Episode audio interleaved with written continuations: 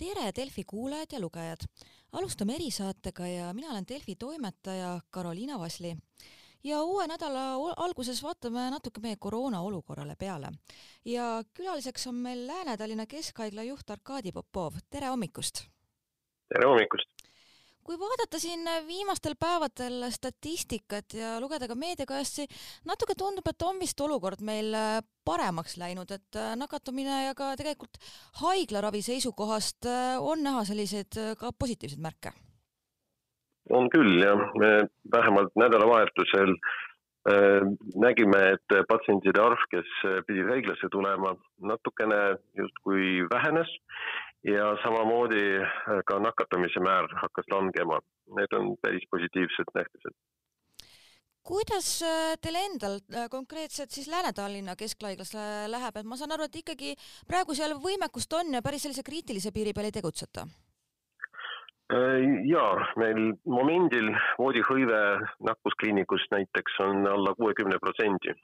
tuleme toime ja vajadusel saame ka teisi kolleege aidata ja noh, siin, siin on muidugi kõige teravam probleem Põhja meditsiinistaabi haiglates on intensiivravi, see on kolmanda astme intensiivravi võimekus.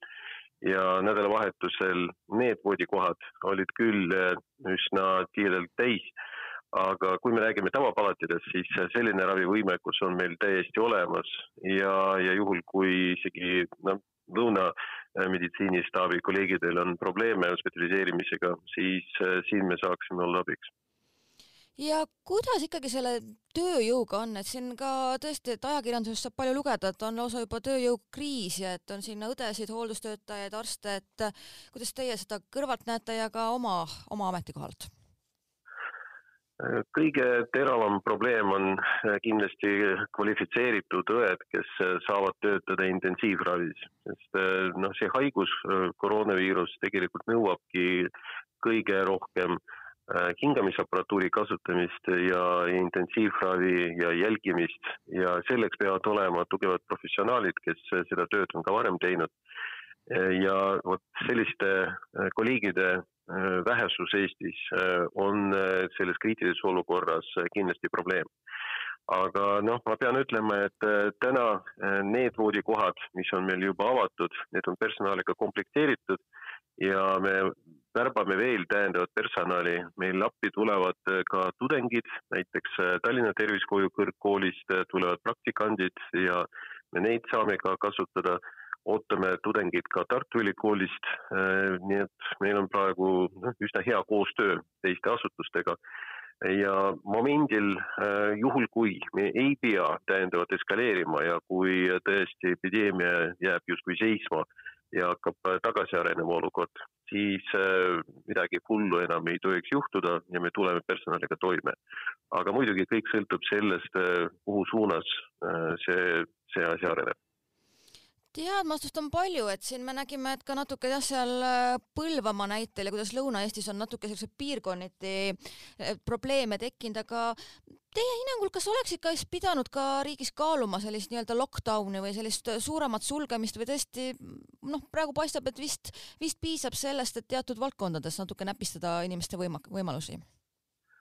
no nii nagu äh, siin Põlva kolleegid juba äh, kirjeldasid, et tõesti inimesed liiguvad ringi päris palju ja liiguvad ringi, käivad kaubanduskeskustes, mis asuvad mõnda kilomeetri kaugusel ja äh, näiteks isegi nelikümmend kilomeetrit ei ole väga suur probleem äh, Põlva ja, ja Tartu vahel sõita selleks, et äh, sinna pääseda. aga eelkõige ma arvan, et olukorras, kus on tegemist epideemiaga ja kus meil iga päev lisandub kümme-viisteist uut koroonasurma, oleks kindlasti abiks, kui massüritused äh, vähemalt oleksid mingil määral piiratud, et inimesed saaksid vähem kokku nendel üritustel ja, ja noh, vähemalt osalejate arvu osas oleksid tehtud äh, pisut rangemad otsused.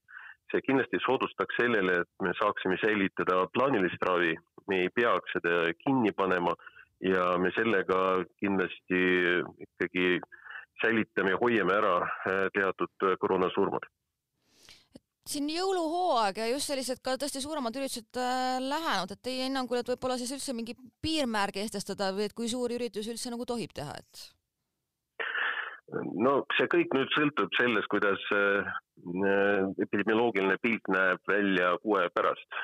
et täna veel vara ennustada, me teame, et kuivõrd erinevalt äh, need lained meil käitusid ja me puutusime kokku sellega, et äh, mõned äh, momendid äh, sellised, mida me ei oota, millega me ei oska arvestada, nagu näiteks äh, delta tüvi, äh, mis tuli Eestisse ja, ja muutis olukorda üsna ebastabiilseks need võivad äh, selle perioodi jooksul tugevalt äh, olukorda mõjutada. nii et ma täna veel ei ennustaks, äh, kuidas näevad välja meie jõulud, loodan, et nad on valged ja mõnusad. Aga noh, igal juhul, kuna praegu käib suurte ürituste ja aastavahetuse ürituste planeerimine, siis mina igaks juhuks soovitaksin olla vägagi tagasihoidlik selles osas, et juhul kui on, on plaanis noh, eriti detsembri alguses selliseid üritusi läbi viia, siis minu hinnangul see oleks üsna riskantne ja kui te aga kõrvalt vaatate, kas meil kuidagi see, kuidas selle vaktsineerimisega, et äh, mis meil siis ka siin riigis ikkagi veel tegemata on, et tulevad ka haiglasse patsiendid, olen ka lugenud ka neid kajastusi, kes ütlevad, et jah, et jäin koroonasse, aga no isegi peaaegu surmaveerel, aga põen läbi ja ikka ei lase ka hiljem end, kui teatud periood möödub, vaktsineerida, et kas, kas meil see vaktsineerimise strateegia on ikkagi täiesti ebaõnnestunud või on ikkagi natuke jalule saanud, et? No vaadates need viimased numbrid siin äh, kuu jooksul tegelikult oli päris edukas on see strateegia. ma, ma nägin, et olid sellised päevad, millal rohkem kui kaks tuhat inimest said äh, endale vaktsiini ühe päeva jooksul, mis on suhteliselt äh, ilusad kõrged numbrid äh,, võrdlemisi muidugi, aga suhteliselt kõrged numbrid. ja tänu sellele täna meil on juba rohkem kui seitsekümmend protsenti täiskasvanust elanikkonnast vaktsineeritud vähemalt ühe doosiga. see, see on muidugi positiivne, aga noh, siin, siin me teame väga hästi, et äh, delta tüvi kahjuks äh, on niivõrd agressiivne et, et seitsekümmend protsenti vaktsineerimist, äh, see ei ole kahjuks see number, mida me sooviksime saada. Ja immuunsus, immuunne staatus peaks olema noh, siin kaheksakümne viie, üheksakümne protsendi inimestel ja isegi rohkem, selleks, et me saaksime tõesti rääkida kollektiivsest immuunsusest delta tüvi kontekstis.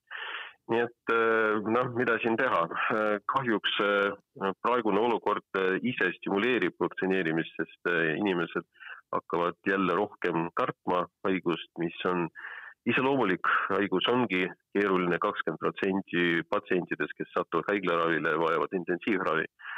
ja noh, see, see on iseenesest selline protsess, mis liigub edasi tänu sellele, et inimesed ikka jälle, jälle puutuvad kokku haigusega ja eriti, kui nad näevad, et haigestuvad ka äh, lähedased inimesed ja kollektiivis võivad raskelt, siis see ka stimuleerib vaktsineerimist mis teie arvates siin praegu jah, niisugune laiem ka ühiskondlik teema selline niinimetatud vaktsineerimisfond või et need, kes äh, kahjuks tõesti ka ei ole välistatud see, et ikkagi ka teatud tüsistused on, et seda korvata, et kas teie meelest peab sellel teemal diskuteerima või noh, siin jah, Reformierakond ja poliitikud väga ei taha nagu seda eraldi fondi luua, et?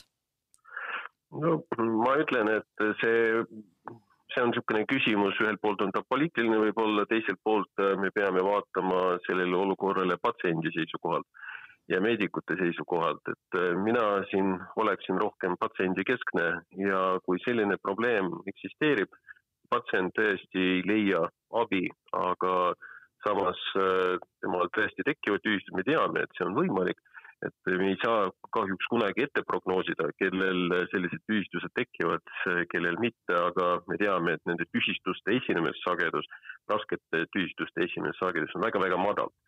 nii et äh, ma ei usu, et selline äh, fond on ülemäärane pingutus riigile selleks, et äh, natukenegi äh, maandada neid pingeid ja omakorda ma loodan, et äh, selline liigutus võiks stimuleerida vaktsineerimise protsessi ka.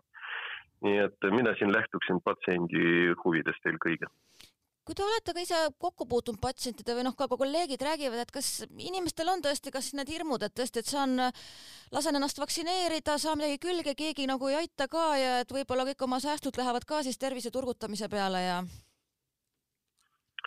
noh, jah, nii ta on, et praegu inimesed elavad stressis ja, ja noh, need inimesed, kes haigestuvad, nad on noh, sageli nad ütlevad tagantjärgi, et noh, miks ma siis ennast ei vaktsineerinud õigel ajal, mida ma ootasin et praegu on selline olukord, kus me kõik peame mobiliseeruma selleks, et see asi meil ilusti sujuks edasi. Et usun, et vähemalt selle kolmanda laine puhul praegu on olukord juba selline, kus äh, noh, valgust me tunneli lõpus näeme. Ja see soodustab sellele, et meie motivatsioon peaks olema kõrgem nii patsientidel kui ka meedikutel. Ja, ja veel lisapingutus ja see haigus on murtud, seda enam, et ravimid on ka nüüd juba silmapiiril. Nii et äh, ma loodan, et see haigus varsti muutub meil äh, ikkagi enam-vähem äh, gripiks nii-öelda. teiste sõnadega haiguseks, millel on olemas nii vaktsineerimine, profülaktika kui ka efektiivne tõhus ravi. nii et siis, siis olukord on palju stabiilsem aga jah, no see gripiks muutumine, et kas siis aasta pärast võime sellest rääkida gripi vormis või tegelikult siis me võib-olla ei räägi sellest üldse nii palju, et see talv meil ikkagi see aasta tuleb ilmselt üpris selline raske või, või vähemalt peame ka alateadlikult, peame ikkagi tegelikult kõik ennast ise piirama natukene, et arvestama nende riskidega. Nojah, praegu need ravimid, millest praegu räägitakse, Paxlovid näiteks ja äh, Merki preparaat, need on mõlemad uuringute tasemel ja kui käib teine-kolmas uuringute faas, see tähendab veel seda, et noh, teatud periood on veel ees, äh, kui me peame ootama ja lootma selle peale, et need uuringud näitavad, et ravimid on efektiivsed ja ohutud ja mingil hetkel ilmuvad ka turule. kindlasti peab arvestama sellega, et esialgu nende hind on väga kõrge ja äh, see on kahjuks tavaline praktika uute ravimite puhul. Äh, nii et noh, ma ütlen, et aasta kannatust on veel kohe kindlasti ees jah, et väga kergelt hingata ei saa veel veel kahjuks mitte. aga sellega tõmbaski vetsu kokku ja aitäh äh, leidmast aega, nii et tõesti jääme ka siis lootma, et see nädal meil neid natuke kergeid langemistrende vastupidises suunas ei vii. ja kindlasti, loodame paremale ja, ja praegu positiivsust on meil kõvasti vaja. aitäh teile uh! Mhm, -huh, aitäh!